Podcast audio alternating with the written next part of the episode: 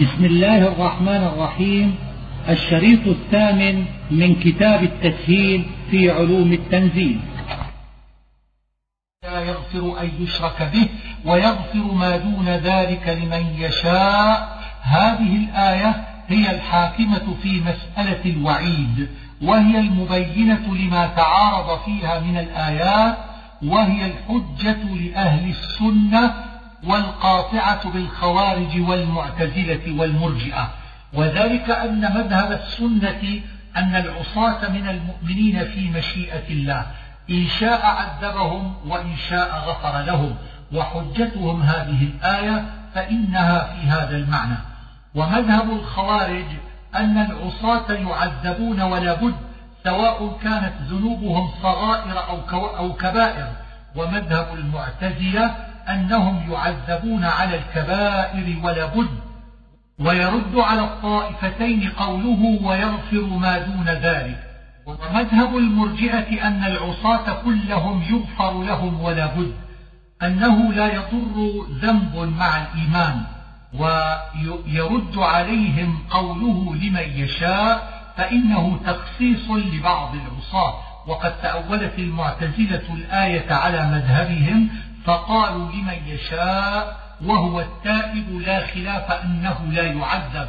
وهذا التأويل بعيد لأن قوله إن الله لا يغفر أن يشرك به في غير التائب من الشرك وكذلك قوله ويغفر ما دون ذلك لمن يشاء في غير التائب من العصيان ليكون أول الآية وآخرها على نسق واحد. وتأولتها المرجئة على مذهبهم فقالوا لمن يشاء معناه لمن يشاء أن يؤمن وهذا أيضا بعيد لا يقتضيه اللفظ.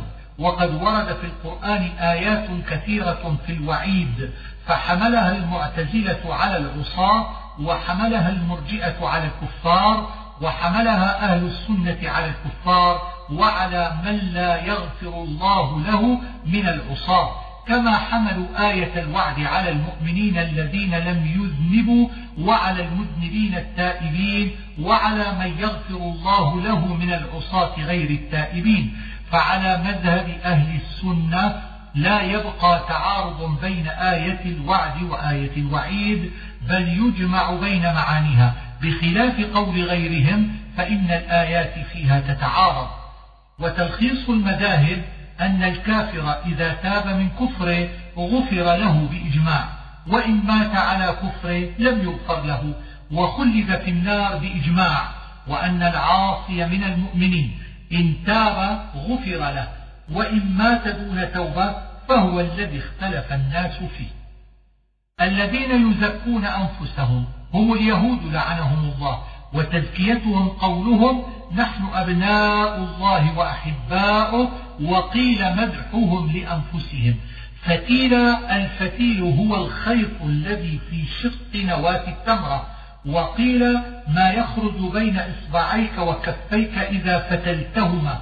وهو تمثيل وعبارة عن أقل الأشياء فيدل على الأكثر بطريق الأولى. يفترون دليل على أن تزكيتهم لأنفسهم بالباطل. يؤمنون بالجبت والطاغوت. قال ابن عباس الجبت هو حيي بن أخطب والطاغوت كعب بن الأشرف. وقال عمر بن الخطاب الجبت السحر والطاغوت الشيطان. وقيل الجبت الكاهن والطاغوت الساحر وبالجملة هما كل ما عبد وأطيع من دون الله. ويقولون للذين كفروا الآية سببها أن حيي بن أخطب وكعب بن الأشرف أو غيرهما من اليهود قالوا لكفار قريش أنتم أهدى سبيلا من محمد وأصحابه. أم لهم نصيب من الملك؟ الهمزة للاستفهام مع الإنكار. نقيرا النقير هي النقرة في ظهر النواة وهو تمثيل وعبارة عن أقل الأشياء. والمراد وصف اليهود بالبخل لو كان لهم نصيب من الملك. وأنهم حينئذ يبخلون بالنقير الذي هو أقل الأشياء ويبخلون بما هو أكثر منه من باب أولى. أم يحسدون الناس وصفهم بالحسد مع البخل؟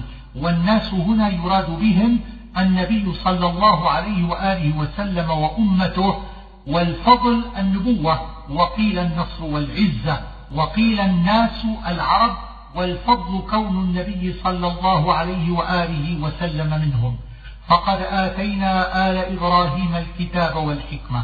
المراد بآل إبراهيم ذريته من بني إسرائيل وغيرهم ممن آتاه الله الكتب التي أنزلها والحكمة التي علمها. والمقصود بالآية الرد على اليهود في حسدهم لسيدنا محمد صلى الله عليه وسلم. ومعناها إلزام لهم بما عرفوه من فضل الله تعالى على على آل إبراهيم. فلأي شيء تخصون محمدا صلى الله عليه وآله وسلم بالحسد دون غيره ممن أنعم الله عليهم ملكا عظيما. الملك في آل إبراهيم هو ملك يوسف وداود وسليمان. فمنهم من آمن به الآية. قيل المراد من آمن بالنبي صلى الله عليه وآله وسلم أو بالقرآن المذكور في قوله تعالى مصدقا لما معكم أو بما ذكر من حديث إبراهيم فهذه ثلاثة أوجه في ضمير به. وقيل منهم أي من آل إبراهيم من آمن بإبراهيم ومنهم من كفر. كقوله تعالى فمنهم مهتد وكثير منهم فاسقون. كلما نضجت جلودهم الآية قيل تبدل لهم جلود بعد جلود أخرى إذ نفوسهم هي المعذبة وقيل تبديل الجلود تغيير صفاتها بالنار وقيل الجلود السرابيل وهو بعيد. أزواج مطهرة ذكر في البقرة ظلا ظليلا صفة من لفظ الظل للتأكيد أي دائما لا تنسقه الشمس وقيل نفي الحر والبرد. إن الله يأمركم الآية. قيل هي خطاب للولاة وقيل للنبي صلى الله عليه وسلم حين أخذ مفتاح الكعبة من عثمان بن طلحة ولفظها عام وكذلك حكمها. وأولي الأمر هم الولاة. وقيل العلماء نزلت في عبد الله بن حذافة بعثه رسول الله صلى الله عليه وآله وسلم في سرية. فردوه إلى الله والرسول. الرد إلى الله هو النظر في كتابه. والرد إلى الرسول صلى الله عليه وسلم هو سؤاله في حياته والنظر في سنته بعد وفاته. إن كنتم يحتمل أن يكون هذا الشرط راجعا إلى قوله فردوه أو إلى قوله أطيعوا والأول أظهر لأنه أقرب إليه. وأحسن تأويلا أي مآلا وعاقبة وقيل أحسن نظرا منكم. الذين يزعمون الآية نزلت في المنافقين. وقيل في منافق ويهودي كان بينهما خصومة فتحاكم إلى كعب بن الأشرف اليهودي وقيل إلى كاهن. رأيت المنافقين وضع الظاهر موضع المضمر ليذمهم بالنفاق ودل ذلك على أن الآية المتقدمة نزلت في المنافقين. فكيف إذا أصابتهم مصيبة الآية؟ أي كيف يكون حالهم إذا عاقبهم الله بذنوبهم؟ ثم جاءوك يحلفون بالله. يحتمل أن يكون هذا معطوفا على ما قبله أو يكون معطوفا على قوله يصدون ويكون قوله فكيف إذا أصابتهم اعتراضا؟ فأعرض عنهم أي عن معاقبتهم وليس المراد بالإعراض القطيعة لقوله وعظهم. ولو أنهم إذ ظلموا أنفسهم الآية وعد بالمغفرة لمن استغفر وقيل استدعاء للاستغفار والتوبة ومعنى جاءوك أتوك تائبين معتذرين من ذنوبهم يطلبون أن تستغفر لهم الله. فلا وربك لا هنا مؤكدة للنفي الذي بعدها. شجر بينهم أي اختلفوا فيه. ومعنى الآية أنهم لا يؤمنون حتى يرضوا بحكم النبي صلى الله عليه وآله وسلم. ونزلت بسبب المنافقين الذين تخاصموا. قيل بسبب خصام الزبير مع رجل من الأنصار في الماء وحكمها عام. ولو أنا كتبنا عليهم الآية معناها لو فرض عليهم ما فرض على من كان قبلهم من المشقات لم يفعلوها لقلة انقيادهم إلا القليل منهم الذين هم مؤمنون حقا. وقد روي من هؤلاء القليل أبو بكر وعمر وابن مسعود وعمار بن ياسر وثابت بن قيس. إلا قليل بالرفع بدل من المضمر. وقرأ ابن عامر وحده بالنصب على أصل استثناء أو على إلا فعلا قليلا. ما يوعظون به من اتباع النبي صلى الله عليه وسلم وطاعته والانقياد له. وأشد تثبيتا أي تخفيفا لإيمانهم وإذا لآتيناهم جواب لسؤال مقدر عن حالهم لو فعلوا ذلك. فأولئك مع الذين أنعم الله عليهم ثواب على الطاعة أي هم معهم في الجنة. وهذه الآية مفسرة لقوله تعالى صراط الذين أنعمت عليهم والصديق فعيل من الصدق ومن التصديق والمراد به المبالغة. والصديقون أرفع الناس درجة بعد الأنبياء والشهداء المقتولون في سبيل الله ومن جرى مجراهم من سائر الشهداء كالغريق وصاحب الهدم. حسبما ورد في الحديث أنهم سبعة وحسن أولئك رفيقا. الإشارة إلى الأصناف الأربعة المذكورة والرفيق يقع على الواحد والجماعة كالخريط وهو مفرد بين به الجنس ومعنى الكلام إخبار واستدعاء للطاعة التي ينال بها مرافقة هؤلاء. ذلك الفضل الإشارة إلى الثواب على الطاعة بمرافقة من ذكر في الجنة والفضل صفة أو خبر. خذوا حذركم أي تحرجوا من عدوكم واستعدوا له. فانفروا ثبات أي خذوا للجهاد جماعات متفرقين وذلك كناية عن السرايا. وقيل إن التبة ما فوق العشرة. ووزنها فعلة بفتح العين ولامها محذوفة. أو انفروا جميعا أي مجتمعين في الجيش الكثير فخيرهم في الخروج إلى الغزو في قلة أو كثرة. وإن منكم لمن ليبطئن الخطاب للمؤمنين والمراد بمن المنافقين وعبر عنهم بمنكم إذ هم يزعمون أنهم من المؤمنين ويقولون آمنا واللام في لمن للتأكيد وفي ليبطئن جواب قسم محذوف ومعناه يبطئ غيره يثبطه عن الجهاد ويحمله على التخلف عن الغزو. وقيل يبطئ يتخلف هو عن الغزو ويتثاقل فإن أصابتكم مصيبة أي قتل وهزيمة والمعنى أن المنافق تسره غيبته عن المؤمنين إذا هزموا وشهيدا معناه حاضرا معهم. ولئن أصابكم فضل من الله أي نصر وغنيمة والمعنى أن المنافق يندم على ترك الغزو معهم إذا غنموا فيتمنى أن يكون معهم.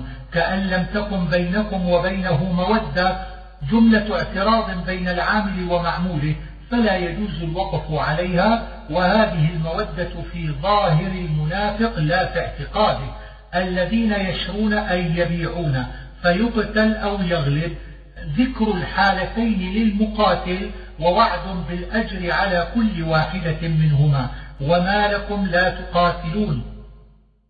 تحريض على القتال. وما مبتدأ والجار والمجرور خبر ولا تقاتلون في موضع الحال والمستضعفين هم الذين حبسهم مشركو قريش بمكة ليفتنوهم عن الإسلام وهو عطف على اسم الله أو مفعول معه. القرية الظالم أهلها هي مكة حين كانت للمشركين. يقاتلون في سبيل الله وما بعده إخبار قصد به تقوية قلوب المسلمين وتحريضهم على القتال. الذين قيل لهم كفوا أيديكم الآية. قيل هي في قوم من الصحابة كانوا قد أمروا بالكف عن القتال قبل أن يفرض الجهاد فتمنوا أن يؤمروا به فلما أمروا به كرهوه لا شكا في دينهم ولكن خوفا من الموت. وقيل هي في المنافقين وهو أليق في سياق الكلام. متاع الدنيا قليل وما بعده تحقير للدنيا فتضمن الرد عليهم في كراهتهم للموت في بروج مشيدة أي في حصون منيعة وقيل المشيدة المطولة وهي المبنية بالشيد وهو الجف. إن تصبهم حسنة الحسنة هنا النصر والغنيمة وشبه ذلك من المحبوبات والسيئة الهزيمة والجوع وشبه ذلك والضمير في تصبهم وفي يقول للذين قيل لهم كفوا أيديكم وهذا يدل على أنها في المنافقين لأن المؤمنين لا يقولون للنبي صلى الله عليه وسلم إن السيئات من عنده قل كل من عند الله رد على من نسب السيئة إلى رسول الله صلى الله عليه وآله وسلم وإعلام أن السيئة والحسنة والخير والشر من عند الله أي بقضائه وقدره. فما لهؤلاء القوم توبيخ لهم على قلة فهمهم؟ ما أصابك من, من حسنة فمن الله وما أصابك من سيئة فمن نفسك؟ خطاب للنبي صلى الله عليه وآله وسلم والمراد به كل مخاطب على الإطلاق فدخل فيه غيره من الناس. وفيه تأويلان أحدهما نسبة الحسنة إلى الله والسيئة إلى العبد تأدبا مع الله في الكلام وإن كان كل شيء منه في الحقيقة وذلك كقوله عليه الصلاة والسلام والخير كله بيديك والشر ليس إليك وأيضا فنسبة السيئة إلى العبد لأنها بسبب ذنوبه لقوله وما أصابكم من مصيبة فبما كسبت أيديكم فهي من العبد بتسببه فيها ومن الله بالخلقة والاختراع. والثاني أن هذا من كلام القوم المذكورين قبل والتقدير يقولون كذا فمعناها كمعنى التي قبلها. من يطع الرسول فقد أطاع الله. هذه الآية من فضائل رسول الله صلى الله عليه وآله وسلم وإنما كانت طاعته كطاعة الله لأنه يأمر وينهى عن الله. ومن تولى فما أرسلناك عليهم حفيظا أي من أعرض عن طاعتك فما أنت عليه بحفيظ تحفظ أعماله بل حسابه وجزاؤه على الله وفي هذا متاركة وموادعة منسوخة بالقتال ويقولون طاعة أي أمرنا وشأننا طاعة لك وهي في المنافقين بإجماع. بيت طائفة منهم غير الذي تقول. بيت أي تدبر الأمر بالليل والضمير في تقول للمخاطب وهو النبي صلى الله عليه وآله وسلم أو للطائفة فأعرض عنهم أي لا تعاقبهم. أفلا يتدبرون القرآن حظ على التفكر في معانيه لتظهر أدلته وبراهينه اختلافا كثيرا أي تناقضا كما في كلام البشر أو تفاوتا في الفصاحة لكن القرآن منزه عن ذلك. فدل على أنه كلام الله وإن عرضت لأحد شبهة وظن اختلافا في شيء من القرآن فالواجب أن يتهم نظره ويسأل أهل العلم ويطالع تآلفهم حتى يعلم أن ذلك ليس باختلاف. وإذا جاءهم أمر من الأمن أو الخوف أذاعوا به. قيل هم المنافقون. وقيل قوم من ضعفاء المسلمين كانوا إذا بلغهم خبر عن السرايا والجيوش أو غير ذلك أذاعوا به أي تكلموا به وشهروه قبل أن يعلموا صحته. وكان في إذاعتهم له مفسدة على المسلمين مع ما في ذلك من العجلة وقلة التثبت فأنكر الله ذلك عليهم. ولو ردوه إلى الرسول وإلى أولي الأمر منهم لعلمه الذين يستنبطونه منهم. أي لو ترك هؤلاء القوم الكلام بذلك الأمر الذي بلغهم وردوه إلى رسول الله صلى الله عليه وآله وسلم وإلى أولي الأمر وهم كبراء الصحابة وأهل البصائر منهم لعلمه القوم الذين يستنبطون أي يستخرجونه من الرسول وأولي الأمر. فالذين يستنبطونه على هذا طائفة من المسلمين يسألون عنه الرسول صلى الله عليه وآله وسلم وأولي الأمر.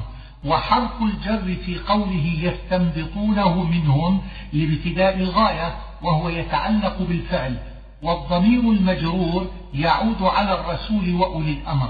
وقيل الذين يستنبطونه هم أولو الأمر كما جاء في الحديث عن عمر رضي الله عنه أنه سمع أن رسول الله صلى الله عليه وآله وسلم طلق نساءه فدخل عليه. فقال أطلقت نساءك فقال لا. فقام على باب المسجد فقال إن رسول الله صلى الله عليه وآله وسلم لم يطلق نساءه. فأنزل الله هذه القصة. قال وأنا الذي استنبطته فعلى هذا يستنبطونه هم أولو الأمر والضمير المجرور يعود عليهم ومنهم لبيان الجنس. واستنباطه على هذا هو سؤالهم عنه النبي صلى الله عليه وآله وسلم أو بالنظر والبحث. واستنباطه على التأويل الأول وهو سؤال الذين أذاعوه للرسول صلى الله عليه وسلم ولأولي الأمر. ولولا فضل الله عليكم ورحمته أي هداه وتوفيقه أو بعثه للرسول وإنزاله للكتب والخطاب في هذه الآية للمؤمنين. إلا قليلا أي, أي إلا اتباعا قليلا. فالاستثناء من المصدر والمعنى لولا فضل الله ورحمته لاتبعتم الشيطان إلا في أمور قليلة كنتم لا تتبعونه فيها. وقيل إنه استثناء من الفاعل في اتبعتم أي إلا قليلا منكم وهو الذي يقتضيه اللفظ وهم الذين كانوا قبل الإسلام غير متبعين للشيطان كورقة بن نوفل والفضل والرحمة على بعث الرسول وإنزال الكتاب. وقيل إن الاستثناء من قوله أذاع به لا تكلف إلا نفسك. لما تثاقل بعض الناس عن القتال قيل هذا للنبي صلى الله عليه وآله وسلم أي إن أفردوك فقاتل وحدك فإنما عليك ذلك. وحرط المؤمنين أي ليس عليك في شأن المؤمنين إلا التحريض. عسى الله أن يكف بأس الذين كفروا. قيل عسى من الله واجبة. والذين كفروا هنا قريش وقد كفهم الله بهزيمتهم في بدر وغيرها وبفتح مكة وأشد تنكيلا أي عقابا وعذابا. شفاعة حسنة هي الشفاعة في مسلم لتفرج عنه قربة أو تدفع مظلمة أو تجلب إليه خيرا والشفاعة السيئة بخلاف ذلك. وقيل الشفاعة الحسنة هي الطاعة والشفاعة السيئة هي المعصية والأول أظهر والكفل هو النصيب. مقيتا قيل قديرا وقيل حفيظا وقيل الذي يقيت الحيوان أن يرزقهم فحيوا بأحسن منها أو ردوها. معنى ذلك الأمر برد السلام والتخيير بين أن يرد بمثل ما سلم عليه أو بأحسن منه.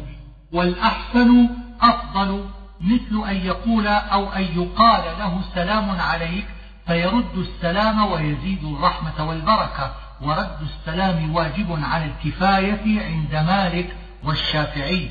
وقال بعض الناس هو فرض عين. واختلف في الرد على الكفار. فقيل, فقيل يرد عليهم لعموم الآية وقيل لا يرد عليهم وقيل يقال لهم وعليكم حسب ما جاء في الحديث وهو مذهب مالك ولا يبتدؤون بالسلام. ليجمعنكم جواب قسم محذوف وتضمن معنى الحشر ولذلك تعدى بإلى ومن أصدق لفظه استفهام ومعناه لا أحد أصدق من الله. فما لكم في المنافقين فئتين ما استفهامية بمعنى التوبيخ والخطاب للمسلمين. ومعنى فئتين أي طائفتين مختلفتين وهو منصوب على الحال. والمراد بالمنافقين هنا ما قال ابن عباس أنها نزلت في قوم كانوا بمكة مع المشركين فزعموا أنهم آمنوا ولم يهاجروا. ثم سافر قوم منهم إلى الشام بتجارات فاختلف المسلمون. هل يقاتلونهم ليغنموا تجارتهم لأنهم لم يهاجروا؟ أو هل يتركونهم لأنهم مؤمنون؟ وقال زيد بن ثابت نزلت في المنافقين الذين رجعوا عن القتال يوم أحد فاختلف الصحابة في أمرهم ويرد هذا قوله حتى يهاجروا. أركسهم أي أضلهم وأهلكهم. ودوا لو تكفرون. الضمير للمنافقين أي تمنوا أن تكفروا. فخذوهم يريد به الأثر إلا الذين يصلون الآية استثناء من قوله فخذوهم واقتلوهم ومعناها أن من وصل من الكفار غير المعاهدين إلى الكفار المعاهدين وهم الذين بينهم وبين المسلمين عهد ومهادنة فحكمه كحكمهم في المسالمة وترك قتاله وكان ذلك في أول الإسلام ثم نسخ بالقتال في أول سورة براءة قال السهيلي وغيره. الذين يصلون هم بنو مدلج بن كنانة. إلى قوم بينكم وبينهم ميثاق بنو خزاعة فدخل بنو مدلج في صلح خزاعة مع رسول الله صلى الله عليه وآله وسلم فمعنى يصلون إلى قوم ينتهون إليهم ويدخلون فيما دخلوا فيه من المهادنة. وقيل معنى يصلون أي ينتسبون وهذا ضعيف جدا بدليل قتال رسول الله صلى الله عليه وآله وسلم لقريش وهم أقاربه وأقارب المؤمنين. فكيف لا يقاتل أقارب الكفار المعاهدين؟ أو جاءوكم حصرت صدورهم عطف على يصلون أو على صفة قوم وهي بينكم وبينهم ميثاق. والمعنى يختلف باختلاف ذلك والأول أظهر. وحصرت صدورهم في موضع الحال بدليل قراءة يعقوب صرة ومعناه ضاقت عن القتال وكرهته ونزلت الآية في قوم جاءوا إلى المسلمين وكرهوا أن يقاتلوا المسلمين وكرهوا أيضا أن يقاتلوا قومهم وهم أقاربهم الكفار فأمر الله بالكف عنهم ثم نسخ أيضا ذلك بالقتال. فإن اعتزلوكم أي إن سالموكم فلا تقاتلوهم. والسلم هنا الانقياد ستجدون آخرين الآية. نزلت نزلت في قوم مخادعين وهم من أسد وغطفان كانوا إذا أتوا المدينة أسلموا وعاهدوا ليأمنوا من المسلمين. فإذا رجعوا إلى قومهم كفروا ونكثوا ليأمنوا قومهم والفتنة هنا الكفر على الأظهر وقيل الاختبار. وما كان لمؤمن أن يقتل مؤمنا إلا خطأ. نزلت بسبب قتل عياش بن ربيعة للحارث بن زيد وكان الحارث يعذبه على الإسلام.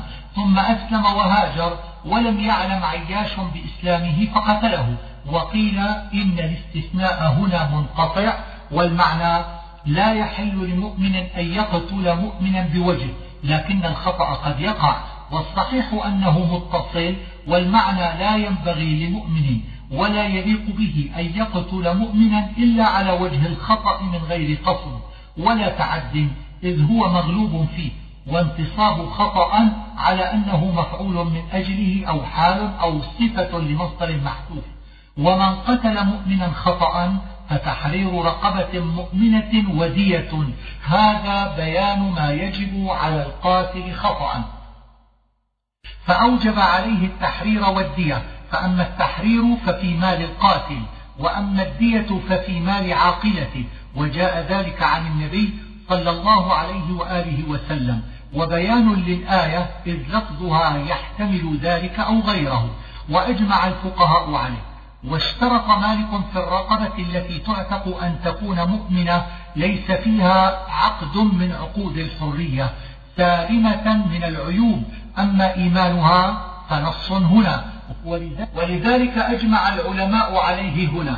واختلفوا في كفارة الظهار وكفارة اليمين. وأما سلامتها من عقود الحرية فيظهر من قوله تعالى فتحرير رقبة لأن ظاهره أنه ابتداء عتق عند التكفير بها.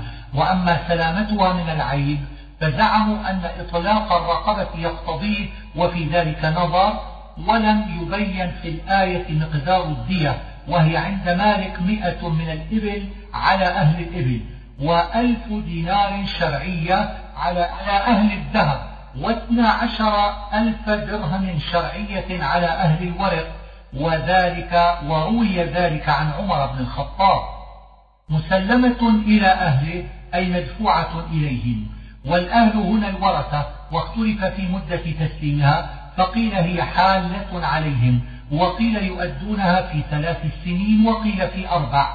ولفظ التسليم مطلق وهو أظهر في الحلول لولا ما جاء من السنة في ذلك إلا أن يصدقوا الضمير يعود على أولياء المقتول أي إذا أسقطوا الدية سقطت وإذا أسقطها المقتول سقطت أيضا عند مالك والجمهور خلافا لأهل الظاهر وحجتهم عود الضمير على الأولياء. وقال الجمهور إنما هذا إذا لم يسقطها المقتول فإن كان من قوم عدو لكم وهو مؤمن فتحرير رقبة مؤمنة. معنى الآية أن المقتول خطأ إن كان مؤمنا وقومه كفارا أعداء وهم المحاربون فإنما في قتله التحرير خاصة دون الدية فلا تدفع لهم لئلا يتقووا بها على المسلمين. ورأى ابن عباس أن ذلك إنما هو في من آمن وبقي في دار الحرب لم يهاجر وخالفه غيره. ورأى مالك أن الدية في هذا لبيت المال فالآية عنده منسوخة. وإن كان من قوم بينكم وبينهم ميثاق. الآية معناها أن المقتول خطأ. إن كان قومه كفارا معاهدين ففي مثله تحرير رقبة والدية إلى أهله لأجل معاهدتهم. والمقتول على هذا مؤمن. ولذلك قال مالك لا كفارة في قتل الذمي. وقيل إن المقتول في هذه الآية كافر. فعلى هذا تجب الكفارة في قتل الذمي وقيل هي عامة في المؤمن والكافر. ولفظ الآية مطلق إلا أن إلا أن قيده قوله وهو مؤمن في الآية التي قبلها. وقرأ الحسن هنا وهو مؤمن. فمن لم يجد فصيام شهرين أي من لم يجد العتق ولم يقدر عليه فصيام الشهرين المتتابعين عوض منه. توبة من الله منصوب على المصدرية ومعناه رحمة منه وتخفيفا. ومن يقتل مؤمنا متعمدا فجزاؤه جهنم خالدا فيها الآية. نزلت بسبب مقيس بن صبارة كان قد أخذ دية أخيه هشام المقتول خطأ ثم قتل رجلا من القوم الذين قتلوا أخاه وارتد مشركا.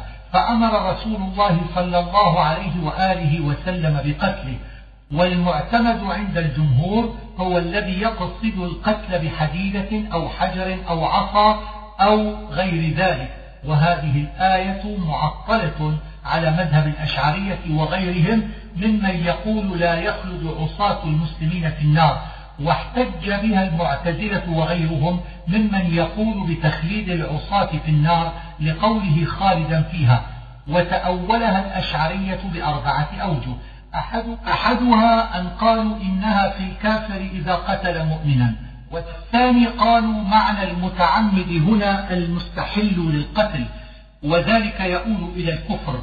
والثالث قالوا الخلود فيها ليس بمعنى الدوام الأبدي وإنما هو عبارة عن طول المدة.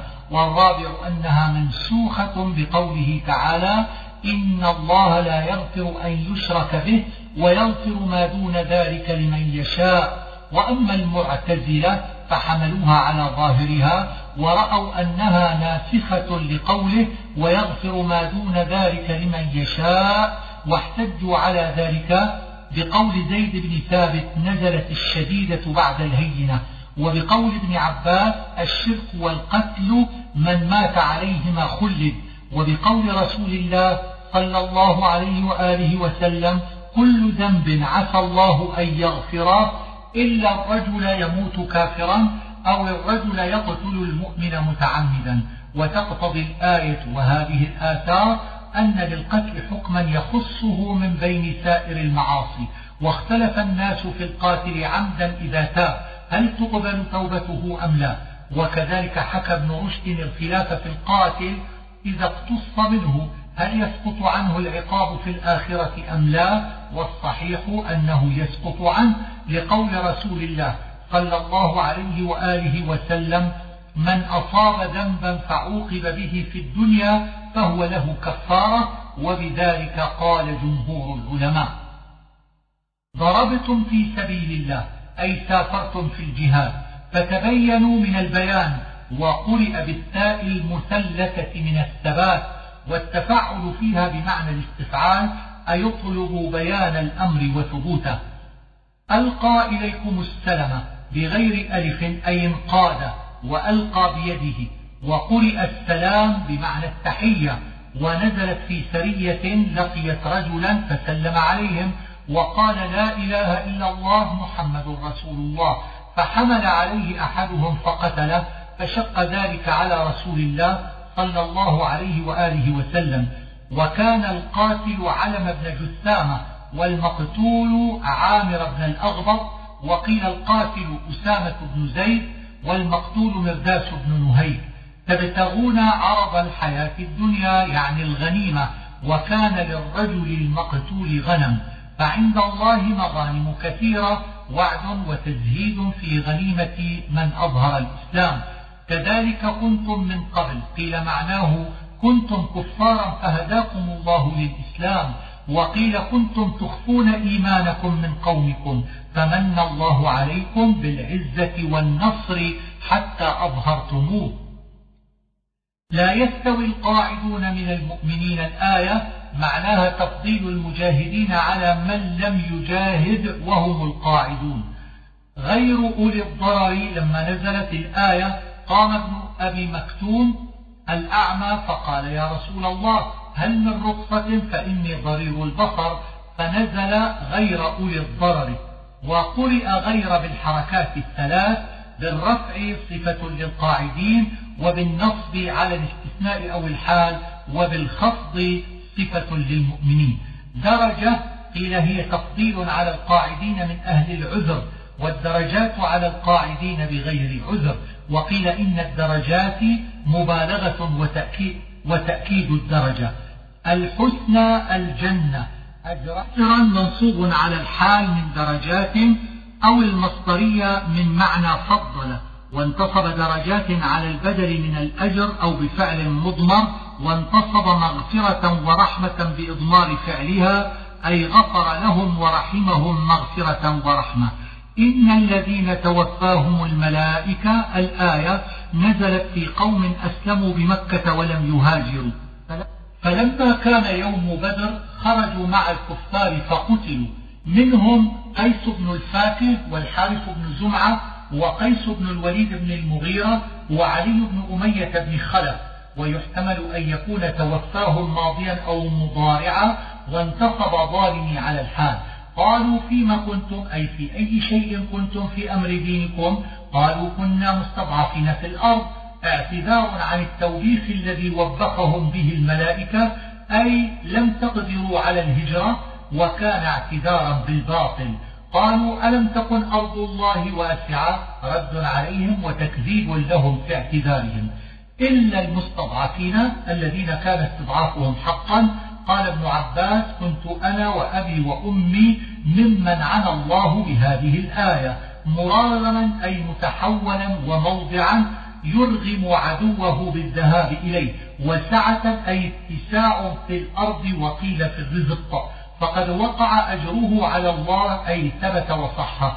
ومن يخرج من بيته الآية حكمها على العموم ونزلت في ضمرة بن القيس وكان من المستضعفين بمكة وكان مريضا فلما سمع ما أنزل الله في الهجرة قال أخرجوني فهيئ له فراش فوضع عليه وخرج فمات في الطريق.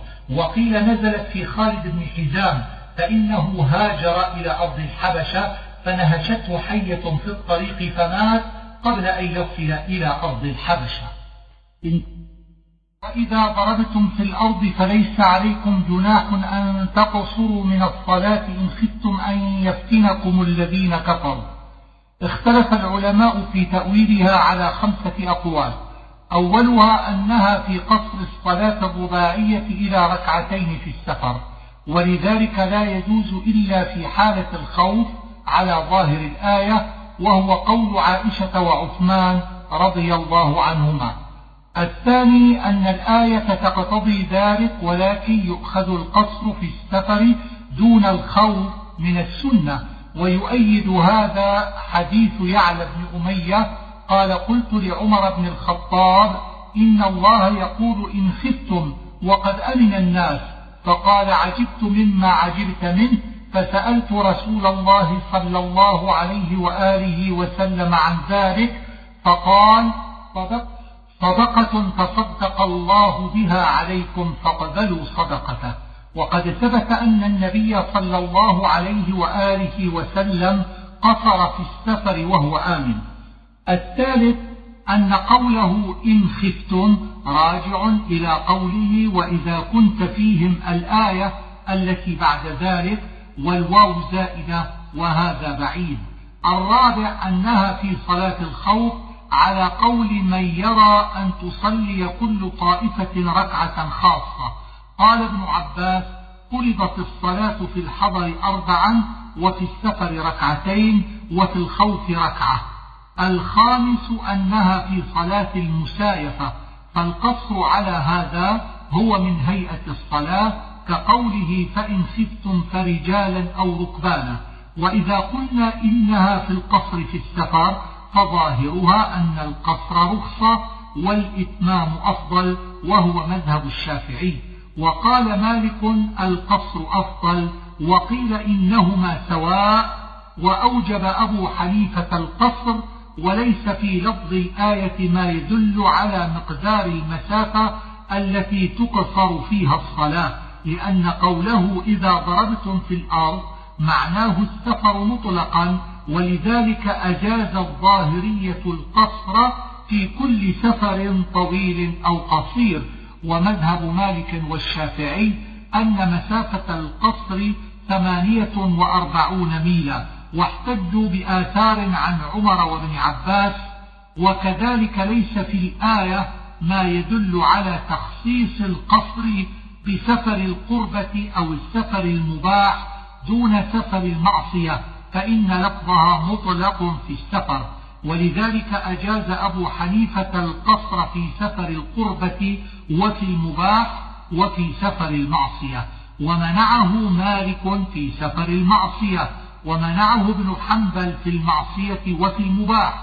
وللقصر أحكام لا تتعلق بالآية فأضربنا عن ذكرها والمراد بالفتنة في هذه الآية القتال أو التعرض بما يكره.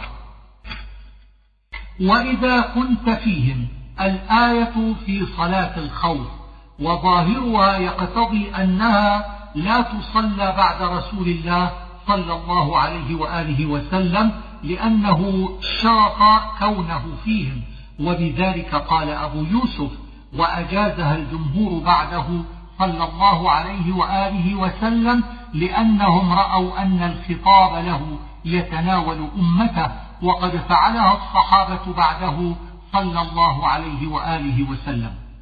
واختلف الناس في صلاة الخوف على عشرة أقوال لاختلاف الأحاديث فيها ولسنا نضطر إلى ذكرها فإن تفسيرها لا يتوقف على ذلك وكانت صلاة رسول الله صلى الله عليه وآله وسلم لصلاة الخوف في غزوة ذات الرقاع فلتقم طائفة منهم معك.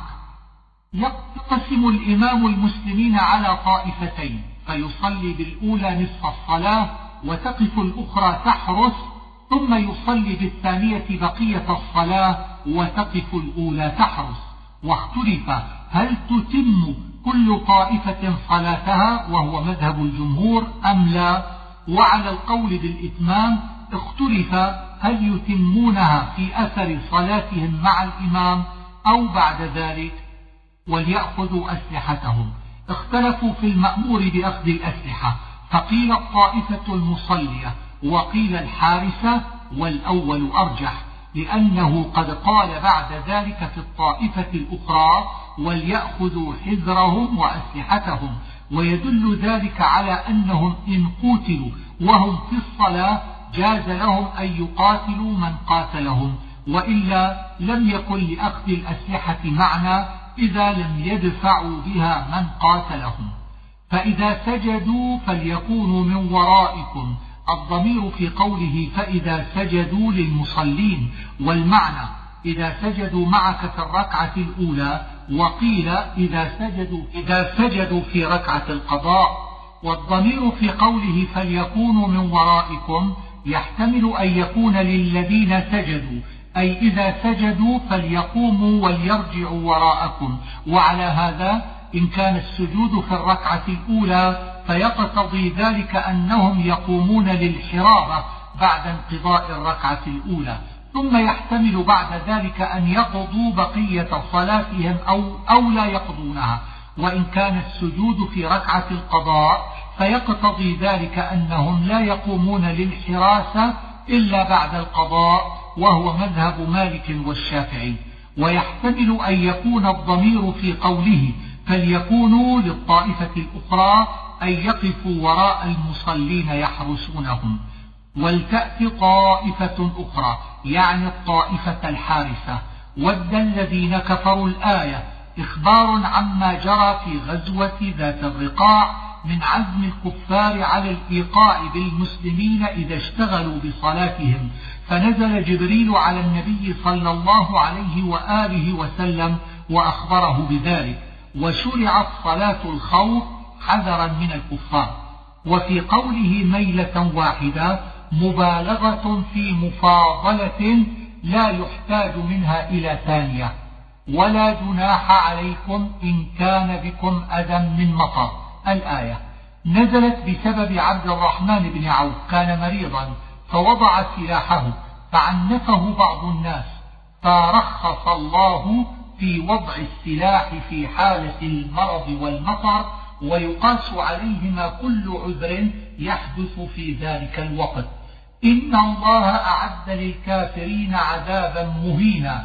إن قيل كيف طابق الأمر بالحذر للعذاب المهين؟ فالجواب أن الأمر بالحذر من العدو يقتضي توهم قوتهم وعزتهم. فنفى ذلك الوهم بالإخبار أن الله يهينهم ولا ينصرهم لتقوى قلوب المؤمنين. قال ذلك الزمخشري. وإنما يصح ذلك إذا كان العذاب المهين في الدنيا والأظهر أنه في الآخرة. فإذا قضيتم الصلاة فاذكروا الله الآية. أي إذا فرغتم من الصلاة فاذكروا الله بألسنتكم وذكر القيام والقعود وعلى الجنوب ليعم جميع أحوال الإنسان. وقيل المعنى إذا تلبستم بالصلاة فافعلوها قياما فإن لم تقدروا فقعودا فإن لم تقدروا فعلى جنوبكم. فإذا طمأننتم فأقيموا الصلاة أي إذا طمأننتم من الخوف فأقيموا الصلاة على هيئتها المعهودة كتابا موقوتا أي محدودا بالأوقات وقال ابن عباس فرضا مفروضا. ولا تهنوا في ابتغاء القوم أي لا تضعفوا في طلب الكفار. إن تكونوا تألمون الآية معناها إن أصابكم ألم من القتال فكذلك يصيب الكفار ألم مثله. ومع ذلك فإنكم ترجون إذا قاتلتموهم النصر في الدنيا والأجر في الآخرة وذلك تشجيع للمسلمين. لتحكم بين الناس بما أراك الله. يحتمل أن يريد بالوحي أو بالاجتهاد أو بهما. وإذا تضمنت الاجتهاد ففيها دليل على إثبات النظر والقياس خلافا لمن منع ذلك من الظاهرية وغيرهم. ولا تكن للخائنين خصيما نزلت هذه الآية وما بعدها في قصة طعمة بن الأبيرق إذ سرق طعاما وسلاحا لبعض الأنصار. وجاء قومه إلى النبي صلى الله عليه وآله وسلم وقالوا إنه بريء ونسبوا السرقة إلى غيره. وظن رسول الله صلى الله عليه وسلم أنهم صادقون. فجادل عنهم ليدفع ما نسب إليهم حتى نزل القرآن فافتضحوا فالخائنون في الآية هم السراق بنو الأبيرق. وقال السهيلي هم بشر وبشير ومبشر وأسيد ومعناها لا تكن لأجل الخائنين مخاصما لغيرهم. واستغفر الله أي من خصامك عن الخائنين على أنه صلى الله عليه وآله وسلم إنما تكلم على الظاهر وهو يعتقد براءتهم إذ يبيتون أي يدبرون ليلا وإنما سمي التدبير قولا لأنه كلام النفس وربما كان معه كلام باللسان ومن يكسب خطيئة أو إثما قيل إن الخطيئة تكون عن عمد وعن غير عمد والإثم لا يكون إلا عن عمد وقيل هما بمعنى وقرر لاختلاف اللفظ. ثم يرمي به بريئا كان القوم قد نسبوا السرقة إلى لبيد بن سهل. لهم طائفة منهم أن يضلوك. هم الذين جاءوا إلى النبي صلى الله عليه وآله وسلم وأبرأ ابن الأبيرق من السرقة. وهذه الآية وإن كانت إنما نزلت بسبب هذه القصة فهي أيضا تتضمن أحكام غيرها. وبقية الآية تشريف للنبي صلى الله عليه وآله وسلم وتقدير لنعم الله عليه. لا خير في كثير من نجواهم. إن كانت النجوى هنا بمعنى الكلام الخفي فالاستثناء الذي بعدها منقطع وقد يكون متصلا على حذف مضاف تقديره إلا نجوى من أمره. وإن كانت النجوى بمعنى الجماعة فالاستثناء متصل ومن يشاقق الرسول أي يعاديه والشقاق هو العداوة ونزلت الآية بسبب ابن الأبيرق لأنه ارتد وسار إلى المشركين ومات على الكفر وهي عامة في غيره. ويتبع غير سبيل المؤمنين استدل الأصوليون بها على صحة إجماع المسلمين. وأنه لا يجوز مخالفته لأن من خالفه اتبع غير سبيل المؤمنين وفي ذلك نظر. نوله ما تولى أي نتركه مع اختياره الفاسد. إن الله لا يغفر أن يشرك به قد تقدم الكلام على نظيرتها. إن يدعون من دونه إلا إناثا الضمير في يدعون للكفار ومعنى يدعون يعبدون. واختلف في الإناث هنا فقيل هي الأصنام لأن العرب كانت تسمي الأصنام بأسماء مؤنثة كاللات والعزى. وقيل المراد الملائكة لقول الكفار إنهم إناث وكانوا يعبدونهم فذكر ذلك على وجه إقامة الحجة عليهم بقولهم الفاسد. وقيل المراد الأصنام لأنها لا تفعل فيخبر عنها كما يخبر عن المؤنث. إلا شيطانا مريدا يعني إبليس. وإنما قال إنهم يعبدونه لأنهم يطيعونه في الكفر والضلال. والمريد هو الشديد العتو والإضلال. لعنه الله صفة للشيطان. وقال لأتخذن من عبادك نصيبا مفروضا. الضمير للشيطان أي فرضته لنفسي من قولك فرض للجند وغيرهم. والمراد بهم أهل الضلال ولأضلنهم أي أعدهم الأماني الكاذبة فليبتكن آذان الأنعام أي يقطعونها والإشارة بذلك إلى البحيرة وشبهها فليغيرن خلق الله التغيير هو الخصاء وشبهه وقد رخص جماعة من العلماء في خصاء البهائم إذا كان فيه منفعة.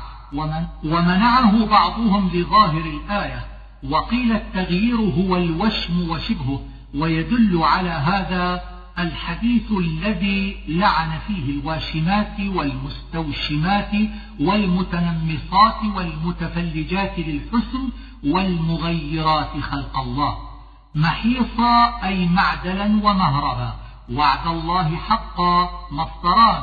الأول مؤكد للوعد الذي يقتضيه قوله سندخلهم جنات والثاني مؤكد لوعد الله.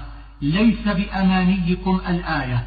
اسم ليس مضمر تقديره الأمر وشبهه والخطاب للمسلمين وقيل للمشركين. أي لا يكون ما تتمنون ولا ما يتمنى أهل الكتاب بل يحكم الله بين عباده ويجازيهم بأعمالهم. من يعمل سوءا يجز به. وعيد حتم في الكفار ومقيد بمشيئة الله في المسلمين. ومن يعمل من الصالحات دخلت من للتبعيض رفقا بالعباد. لأن الصالحات على الكمال لا يطيقها البشر.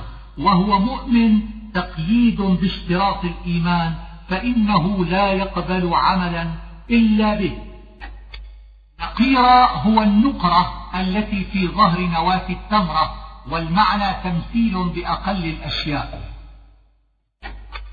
واتبع ملة إبراهيم أي دين الإسلام. حنيفة حال من المتبع أو من إبراهيم. واتخذ الله إبراهيم خليلا أي صفيا. وهو مشتق من الخلة بمعنى المودة وفي ذلك تشريف لإبراهيم وترغيب في اتباعه. ويستفتونك في النساء أي يسألونك عما يجب عليهم في أمر النساء وما يتلى عليكم عطف على اسم الله أي يفتيكم الله والمتلو عليكم في الكتاب يعني القرآن. في يتامى النساء اللاتي لا تؤتونهن ما كتب لهن كان الرجل من العرب يتزوج اليتيمة من أقاربه بدون ما تستحقه من الصداق فقوله ما كتب لهن يعني ما تستحقه المرأة من الصداق وقوله وترغبون أن تنكحوهن يعني لجمالهن ومالهن من غير توفية حقوقهن.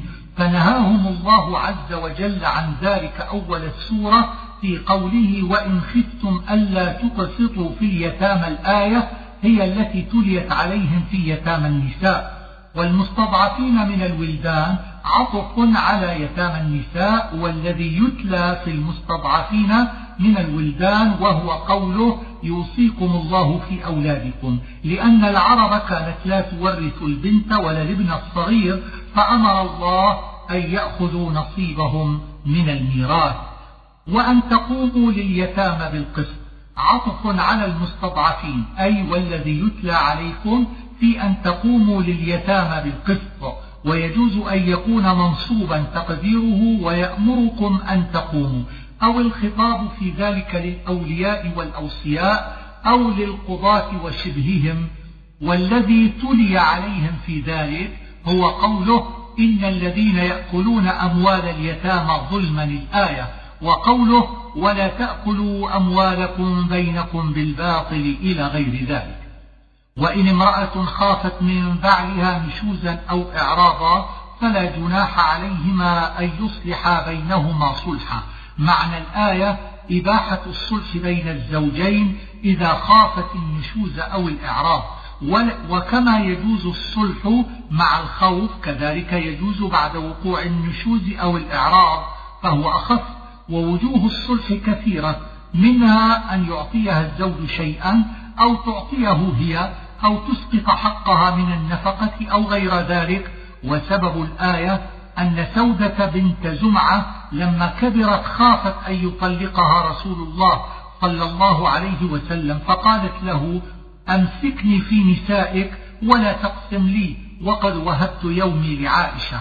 والصلح خير لفظ عام يدخل فيه صلح الزوجين وغيرهما وقيل معناه صلح الزوجين خير من فراقهما فخير على هذا للتفضيل واللام في الصلح للعهد. وأحضرت الأنفس الشح معناه أن الشح جعل حاضرا مع النفوس لا يغيب عنها لأنها جبلت عليه. والشح هو أن لا يسمح الإنسان لغيره بشيء من حظوظ نفسه وشح المرأة من هذا هو طلبها لحقها من النفقة والاستمتاع وشح الزوج هو منع الصداق والتضييق في النفقة وزهده في المرأة لكبر سنها أو قبح صورتها. ولن تستطيعوا أن تعدلوا بين النساء معناه العدل التام الكامل. في الأقوال والأفعال والمحبة وغير ذلك فرفع الله ذلك عن عباده فإنهم لا يستطيعون. وقد كان رسول الله صلى الله عليه وسلم يقسم بين نسائه ثم يقول اللهم هذا قسمي فيما أملك فلا تؤاخذني بما لا أملك يعني ميله. وقيل إن الآية نزلت في ميله صلى الله عليه وسلم بقلبه إلى عائشة ومعناها اعتذار من الله تعالى عن عباده.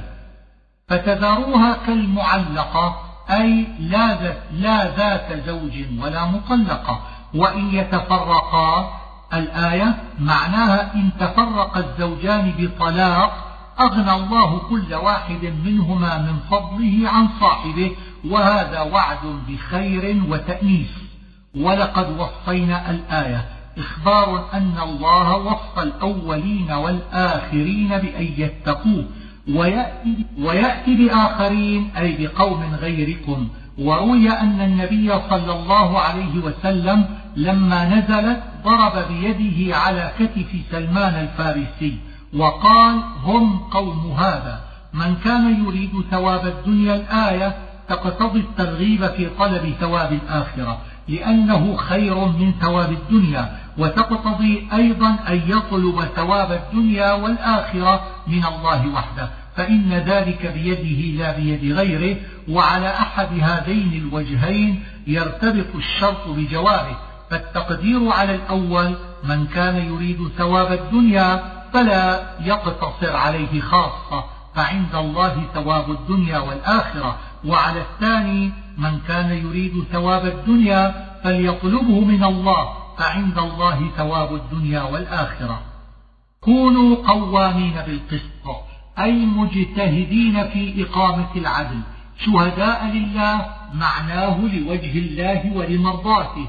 ولو على أنفسكم يتعلق بشهد وشهادة الإنسان على نفسه هي إقراره بالحق. ثم ذكر الوالدين والأقربين أي هم مظنة للتعصب والميل فإقامة الشهادة على الأجنبيين من باب أولى وأحرى. إن يكن غنيا أو فقيرا جواب إن محذوف على الأظهر أي إن يكن المشهود عليه غنيا فلا تت